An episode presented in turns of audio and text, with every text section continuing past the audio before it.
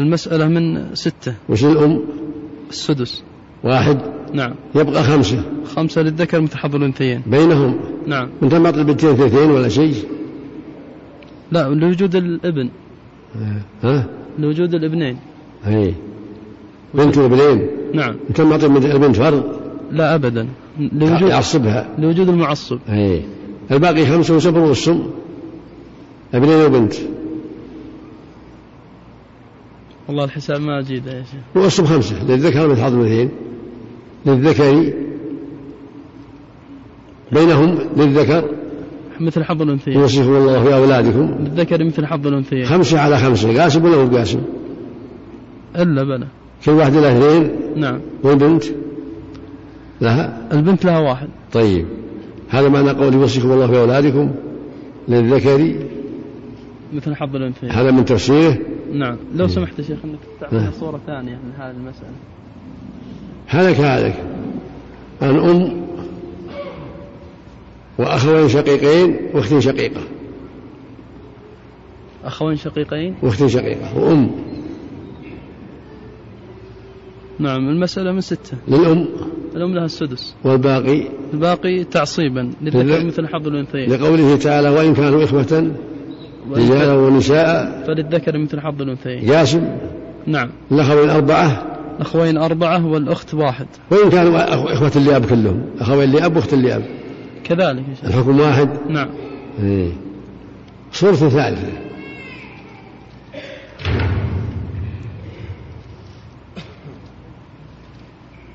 أم جدة أم أم وابن ابن وبنت ابن. كذلك. وش المسألة منه؟ المسألة من ستة. وش الجدة؟ جدة لها واحد. سدس. السدس والباقي؟ الباقي تعصيبا للذكر حظ الأنثيين. مثل الأبناء والبنت سواء نعم. بين الابن وبنت الابن؟ نعم. بينهم؟ للابنين كل واحد منهم اثنين. ابن ابني الابن؟ نعم. وبنت الابن؟ لها واحد. إيه. سواء كانوا إخوة لها أو بني عم نعم. نعم. إيه. لأنه في درجة نعم. نعم. اللي بعدك. ما بقي أحد. أستغفر الله. أستغفر الله. استغفر الله سم.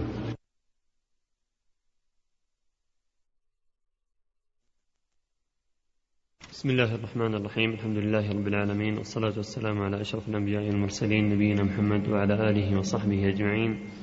أما بعد فقال الإمام الرحبي رحمه الله تعالى باب الحجب. والجد محجوب عن الميراث بالأب في أحواله الثلاث وتسقط الجدات من كل جهة بال- بالأم فافهمه وقسم أشبهه وهكذا ابن الابن بالابن فلا تبغي عن الحكم الصحيح معدلا وتسقط الإخوة بالبنين وبالأب الأدنى كما روينا وببني البنين كيف كانوا سيان فيه الجمع والوحدان ويفضل ابن الأم بالإسقاط بالجد فافهمه على احتياطي. وبالبنات وبنات الابن جمعا ووحدانا فقل لي زدني. ثم بنات الابن يسقطن متى؟ حاز البنات الثلثين يا فتى. إلا إذا عصب عصبهن الذكر من ولد الابن على ما ذكروا. ومثلهن الأخوات اللاتي يدلين بالقرب من الجهات. إذا أخذن فرضهن وافيا أسقطن أولاد الأب البواكيا. وإن يكن أخ لهن حاضرا عصبهن باطنا وظاهرا. وليس ابن الأخ بالمعصب من مثله أو فوقه في النسب. باب المشركة وإن تجد زوجا وأما ورثا وإخوة لأم حازوا الثلثا وإخوة أيضا لأم وأبي واستغرقوا المال بفرض النصب فاجعلهم كله كلهم لأمي واجعل أباهم حجرا في اليم. واقسم على الإخوة ثلث التركة فهذه المسألة المشركة.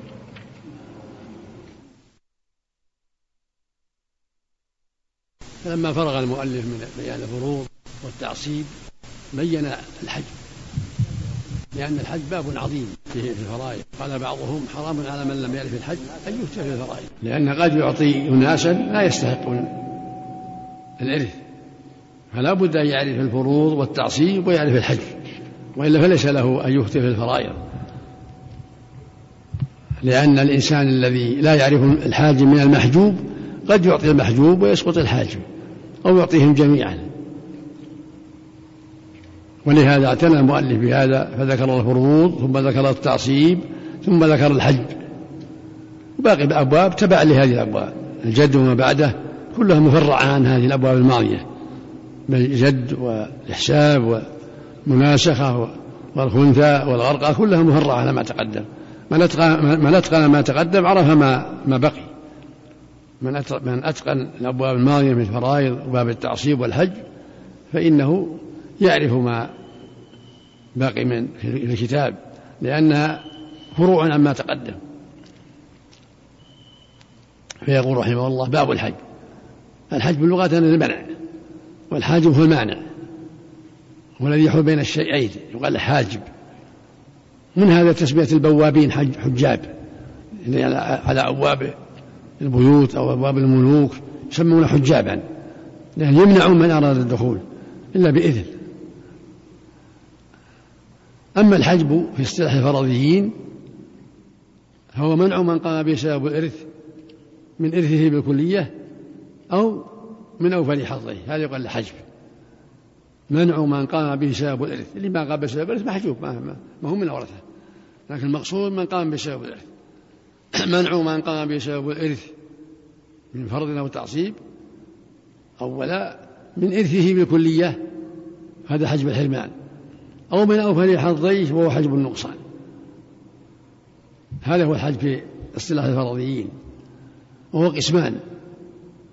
حجب نقصان وحجب حرمان. أما حجب النقصان هو يتأتى على جميع الورثة. كل وارث قد يزيد ماله وقد ينقص. فحجب النقصان يتأتى عليهم جميعهم. كل وارث قد يزيد ما حقه قد ينقص. على حسب على حسب فروض المسألة وما فيها من التعصيب. وهو منحصر في سبعة أبواب. حجب النقصان. انتقال من فرض إلى فرض أقل منه وانتقال من تعصيب إلى تعصيب أقل منه وانتقال من فرض إلى تعصيب أقل منه والعكس انتقال من فرض إلى تعصيب أقل منه وازدحام في فرض وازدحام في تعصيب وازدحام في عول هذه سبعة أبواب يكون فيها النقص منحصرة في الأبواب السبعة انتقال من فرض إلى فرض أقل منه هذا نقص مثل الزوج من النصف إلى الربع عند وجود الفرض الوارث. والزوجة من الثم من الربع إلى الثمن عند وجود الفرض الوارث انتقال من فرض إلى فرض أقل منه. وانتقال من تعصيب إلى تعصيب أقل منه. مثل الأب ونحوه. يأخذ المال كله عند عند انفراده وإذا وجد معه فرض انتقل من تعصيب الذي هو الكل إلى أخذ الباقي. هذا انتقال من تعصيب إلى تعصيب أقل. وانتقال من فرض إلى تعصيب. مثل الأب والجد. عند عدم الوارث يعطى تعصيب وعند وجود الفارث يأخذ فرض وانتقال من تعصيب إلى فرض أقل منه. كالأب ينتقل من التعصيب إلى فرض السدس والجد كذلك. ومثل مثل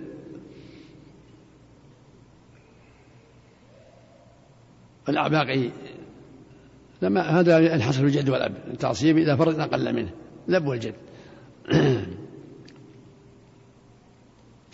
الخامس انزحام في فرض مثل ازدحام الزوجات في الربع والثمن وازدحام الإخوة لأم في الثلث وازدحام بنات الإبن في السدس بعد مع مع بنت مع بنت الأخ النصف وازدحام الأخوات لأب السدس إذا كنا مع أخت شقيقة. هذا ازدحام في أرض وازدحام في تعصيب مثل اجتماع الإخوة في التعصيب الشقة والإخوة لأب واجتماع البنين في التعصيب وبني البنين في التعصيب يسهم بعضهم بعضا. وازدحام في عول إذا زادت الفروض في المسألة عالت. هذا ازدحام في العول مثل زوج وأختين شقيقتين أو لأب وأم من ستة تعول إلى ثمانية. الاختين الثلثان أربعة والزوج النصف ثلاث والأم الثلث واحد عالت إلى ثمانية. هذا ازدحام في عول هذه الأقسام السبعة يعم فيها النقص.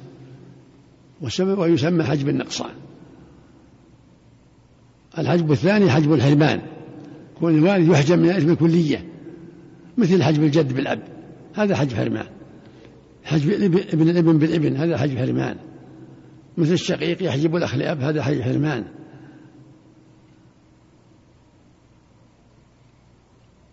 وهو يتأتى على الورثة إلا ثلاثة. لا يجب لا لا يمكن أن يحجبوا حرمانا. وهم الجد الأب والجد والابن. هؤلاء لا يسقطون حجب حرمان.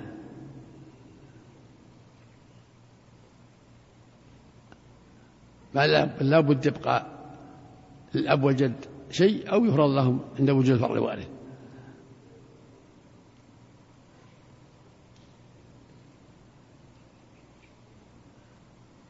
فالأب والجد الأبوين والأم الأبوين و العصبة الأب والجد والابن. لابد مع الفرع الوارث يفرض الأب والجد وعند عدم الفرع الوارث يبقى لهم.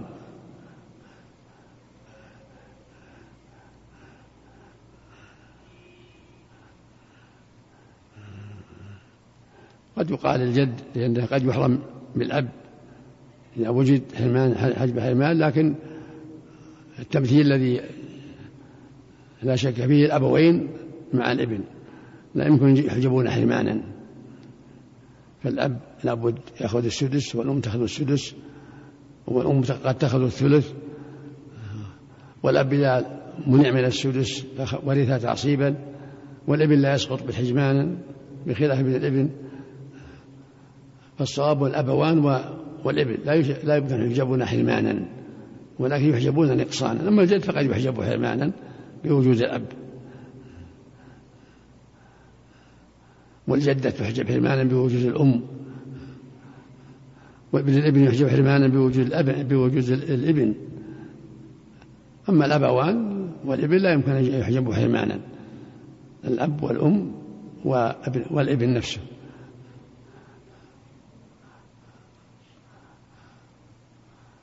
يقول المؤلف رحمه الله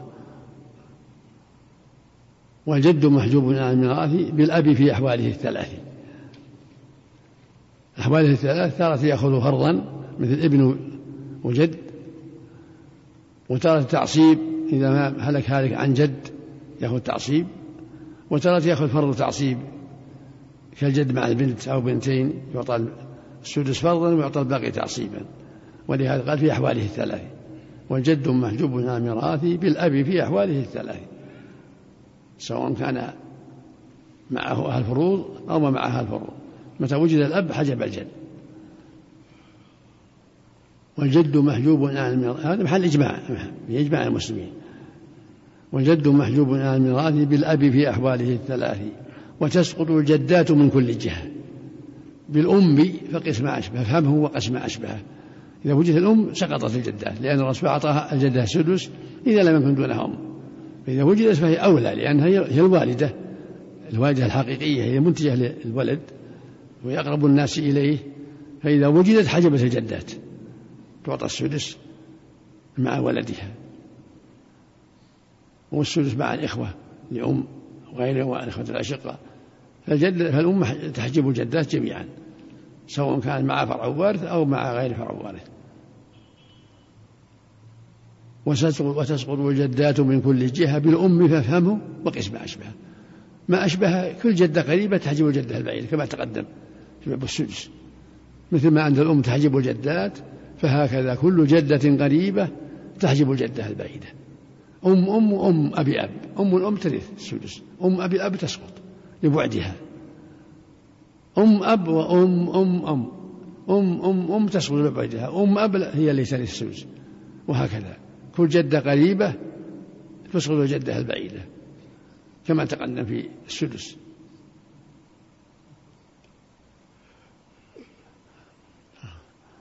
وتسقط الجدات من كل جهة بالأم فافهموا وقسم أشبه وقسم أشبه وهكذا ابن الابن بالإبن. فلا. تبغي عن الحكم الصحيح معدلة ابن الإبن يسقط. بالإبن. جميع أولاد البنين يسقطون بالإبن. إذا وجد ابن الميت أسقط أولاد بنيه. فإذا مات عن ابن وعن أولاد ابن. فالإرث الإبن. وأولاد الإبن سواء هم ولا أولاد أخيه كلهم ساقطون. لأن الإبن أقرب. والرسول يقول عليه الصلاة والسلام ألحقوا الفرائض بأهلها فما بقي فهو فهو لأولى رجل ذكر.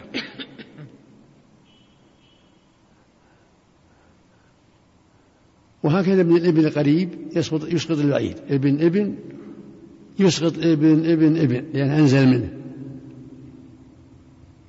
وهكذا ابن ابن بالابن فلا تبغي عن الحكم الصحيح معدلة يعني لا تعدل عن الحكم الصحيح الذي أجمع عليه المسلمون. فكل ابن نازل يسقط بالابن المرتفع القريب من الميت. ابن ابن يسقط بالابن. ابن ابن ابن يسقط بابن الابن اللي أعلى منه وهكذا. وتسقط الإخوة بالبنين. الإخوة جميعا يسقطون بالبنين. كل الإخوة. إذا وجد ابن أو ابن ابن سقط الإخوة لأن الأولاد أقرب إلى الميت من إخوته. وتسقط الأخوة بالبنين وبالأب الأدنى كما روينا. الأب الأبنى أب الميت. يسقط الأخوة بالإجماع. إذا وجد إخوة لأن الإرث هو مشروط بالكلالة. والكلالة من لا ولد له ولا والد ذكر. فإذا وجد الأب أسقط الإخوة. كالإبن وابن الإبن يسقط الأخوة. وتسقط بالبنين وبالأب الأدنى كما روينا. كما روي يعني روي لنا عن العلماء. والأدنى يعني أبي الميت احتراز من الجد. فإنه لا يحجبهم عند بعض أهل العلم. وإنما يحجبهم الإبن فق... الأب فقط. والصواب أن الجد أيضا يحجبهم. هذا الصواب كما بينا في الفوائد في باب الجد والإخوة. وتقدم أيضا لكم ذكر ذلك. الصواب أن الجد كالأب يحجب الإخوة. فقوله الأب الأدنى هذا مرجوح. الصواب يسقط الإخوة بالأب وبالجد جميعا. فإذا هلك هالك عن جد أبي أب وإخوة فالبال للجد والإخوة يسقطون لأن إرثهم مشروط من الكلالة والكلالة من لا ولد له ولا والد قال تعالى يستفتونك ولله يفتون كلالة. إن امرؤ ليس له ولد وله أخت فلها نصف ما ترك. قال أهل العلم الكلالة من لا ولد له ولا ولد ذكر. وبني البنين كيف كانوا سيان فيه الجمع والوحدان اللي هو بأبناء البنين سواء واحد ولا جماعة؟ فإذا وجد ابن واحد أو ابن ابن سقط الإخوة ولو واحد من بنين أو من البنين وهكذا بالأب والجد. فصار الإخوة جميعا يسقطون بأربعة بالابن وبالابن وإن نزل وبالأب وبالجد أبي الأب وإن على محظور جميع الأخوة يسقطون بهؤلاء الأربعة. متى وجد واحد من أربعة سقط الإخوة الابن ابن الابن وإن نزل الأب الجد على الصحيح أبو الأب محض الذكور يسقطهم. ويفضل ابن الأم بالإسقاط ابن الأم الأخ لأم. بالجد ففهموا على احتياطي. وببناته وبنات الابن جمعا ووحدانا فقل لجني على قول بأن الجد لا يسقط الأخوة فيختص بالأخوة الأشقاء والإخوة أما الإخوة اليوم يسقطهم عند الجميع. والصواب أنه يسقط الأخوة كلهم هذا الصواب. الجد يسقط الأخوة جميعا الأشقاء والإخوة اليوم والإخوة اليوم فالإخوة جميعا يسقطون بأربعة بالإبن وابن الابن وإن نزل والأب والجد أبي الأب وإن على محض الذكور.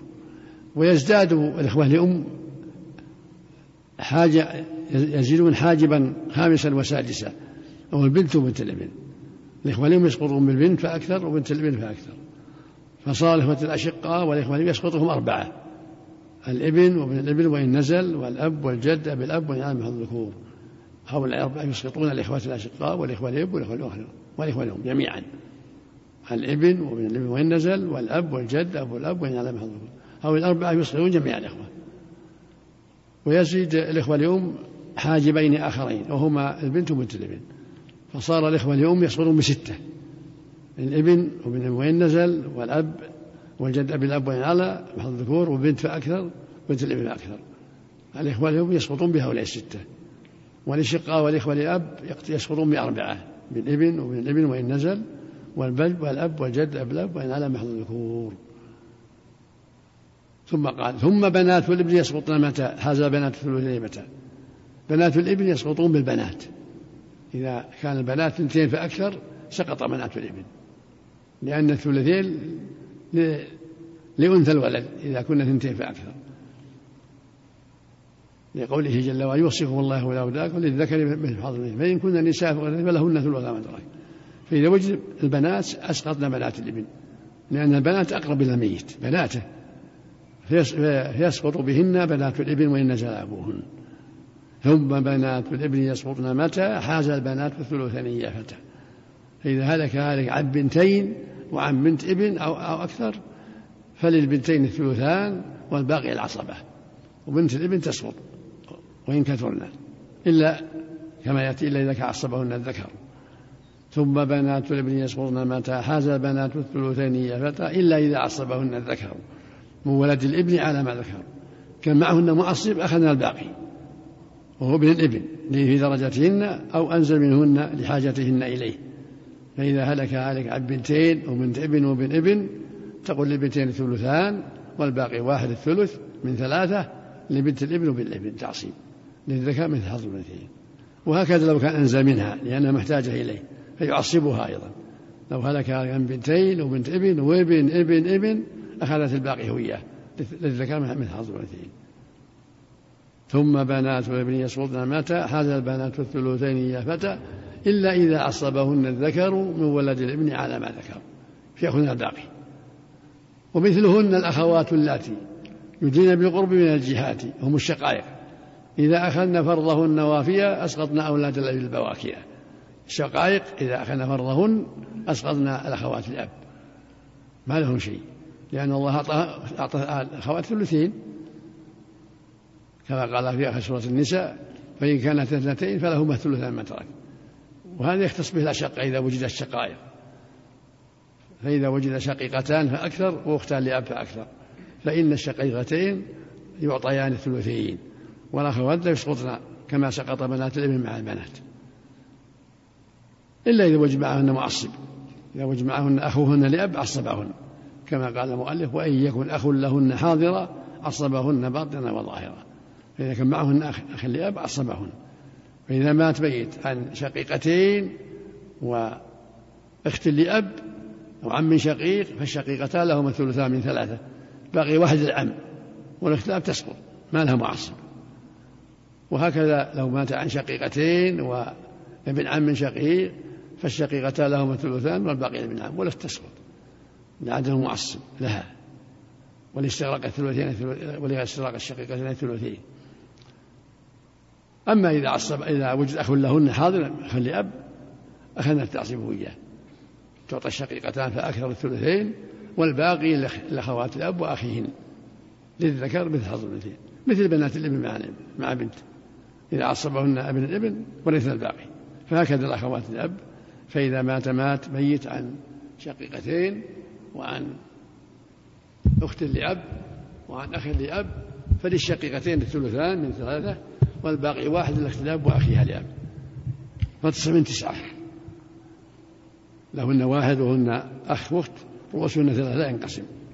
تثبت ويجوع السنة في أصلها ثلاثة بتسعة.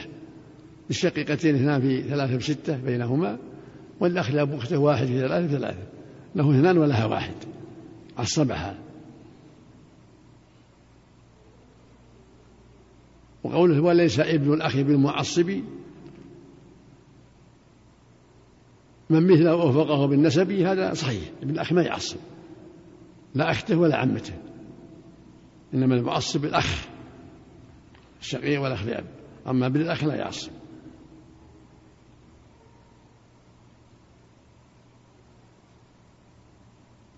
وليس ابن وليس ابن الأخ بالمعصب. من مثله أو فوقه بالنسب. يعني الذي هو مثله. خبر مبتدا محذوف وليس ابن الأخ بالمعصب. من مثله يعني الذي هو مثله أو فوقه في النسب فإذا مات ميت عن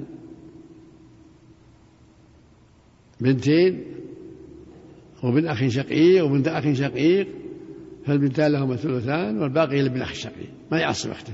اختت من ذوي الأرحام تسقط وهكذا ابن الأخ مع مع, بنت الأخ لأب.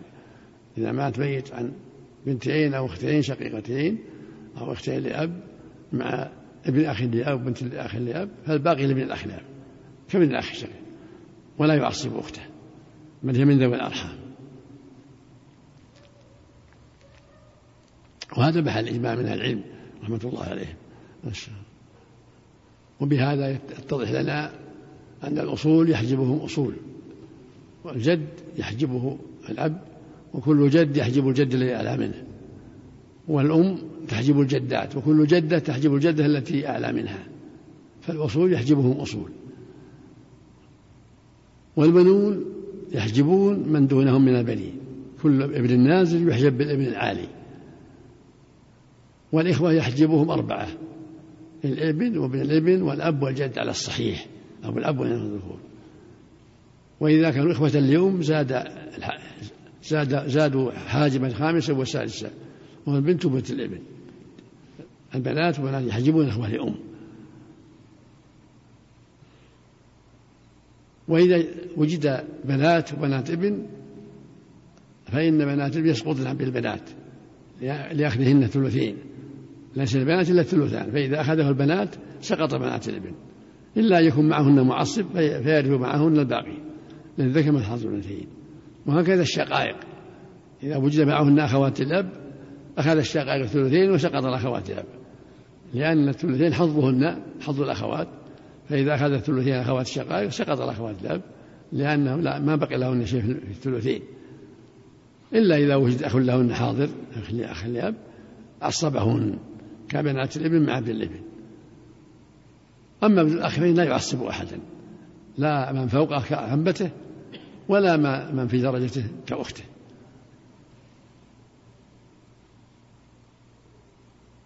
وقد أشكل على هذا هذا البحث المذكور هنا مسألة المشركة فإن بعض أهل العلم ذكر أن العصبة يشتركون مع الإخوة لأم الفرض في فرضهم وهذا خلاف القاعدة. القاعدة أن العاصب يسقط إذا سقطت الفروض إلا ثلاثة. فالأب والجد والابن لا لا يسقطون إذا سقطت الفروض كما تقدم. الأب والجد والابن لا يسقطون إذا استغرقت الفروض لا بد يبقى لهم شيء والأب والجد إذا ما بقي شيء يفرض له السدس يفرض لهما السدس. فأشكل على هذا مسألة يقال لها المشركة. فقال بعض أهل العلم بالتشريك لإخوتها شقة مع الإخوة لأم في فرضهم. قالوا لأنهن لأنهم اجتمعوا معه في الأم فلا يحجبونهم. والأب ينزل منزلة العدم ويشركونهم. وصورتها زوج وأم وإخوة لأم. وأخ شقيق فأكثر. أو أخ شقيق وأخت شقيقة فأكثر. ذكر واحد أو ذكر وأنثى فأكثر. هذه مشركة. فذهب جمع من أهل العلم إلى أنهم يشتركون مع الأخوة اليوم ويجعل أباهم حجرا في اليم كأنه ما وجد اشتركوا في الأم فيشركوا مع الإخوة اليوم في الثلث. وهذا قول زيد بن ثابت رضي الله عنه وجماعة. وقال آخرون لا. الصواب أنهم يحجبون أنهم يسقطون باشتراك الفروض المسألة حسب القاعدة. لقوله صلى الله عليه وسلم ألقوا ألحقوا الفرائض بأهلها فما بقي فهو لأولى رجل ذكر يعني أقرب وأولى ما بقي له شيء. فيسقطون هذا هو الصواب يسقطون. وصورتها زوج وأم وإخوة لأم وأخ شقيق فقط يعني فأكثر أو أخ شقيق وأخت شقيقة فأكثر ذكر وأنثى. قالت رحمه الله في المشركة وإن تجد زوجا وأما ورثا وإخوة للأم حازب الثلثا وإخوة أيضا لأم وآبي واستغرقوا المال بفرض النصب. لكن يعطي الزوج النصف والأم السدس والإخوة لأم الثلث من ستة ما بقي شيء سقط الإخوة. واستغرقوا المال بفرض النصب فاجعلهم إخوة كلهم لأمي واجعل أباهم حجرا في اليم. كان ما وجد واقسم على ثلث التركة فهذه مسألة مشركة. يروى أن عمر قضى فيها قضائين أسقطهم تارة وورثهم في الأخيرة شركهم. قالوا إن شركاء في الأم أبونا ما, ما نزم أب اعتبروا حجرا في اليم. مسمى الحمارية. هب أن هب أن أبانا كان حمارا. حمله حب المال على أن يقولوا هذه الكلمة. شرفونا فحجبهم في الأولى وأسقطهم في المرة الثانية ورثهم زيد رضي الله عنه يرى توريثهم معهم والصواب عدم التوريث وأنهم يسقطون على قاعدة ألحقوا الفرائض بمالها فما بقي فهو لأولى رجل ذكر. وقول النبي صلى الله عليه وسلم مقدم على آراء الرجال. إذا جاء النص إذا جاء نهر, نهر الله بطل نهر معقل إذا جاء النص بطلت الأقوال الأخرى. فإذا أعطينا الزوج النصف والأم السدس والإخوة لأم الثلث اثنان من ستة ما بقي شيء. فيقال للإخوة سقط تسقطون. أهل الفروض مقدمون وأبوكم ما هو بحجر في اليم. أبوكم حقيقة موجود. ليس حجرا في اليم ينفعكم. لو كان معكم أخ لأم وأخ شقيق أخذت خمسة ولا أعطيت أخ لأم إلا سدس لو قل أجعل وأباك حجر في اليم ما طعتوا. لو قال الأخ لأم خلوا الأنصاف ما طعتوا. لو هلك هذا عن أخ لأم وأخ شقيق نعطي الأخ السدس من ستة والباقي أخذه خمسة. كله يأخذ الشقيق من أن الشقيق فلو قال له الأخ هب أن أباك حجر في اليم خلنا التناصف نصف ما طاع. هب أن أباك كان حمارا ما هو مطيع فكما ينفعه في مسائل كثيرة يضره في هذه المسألة مسألة الإخوة لأم ويحجب بسبب ذلك.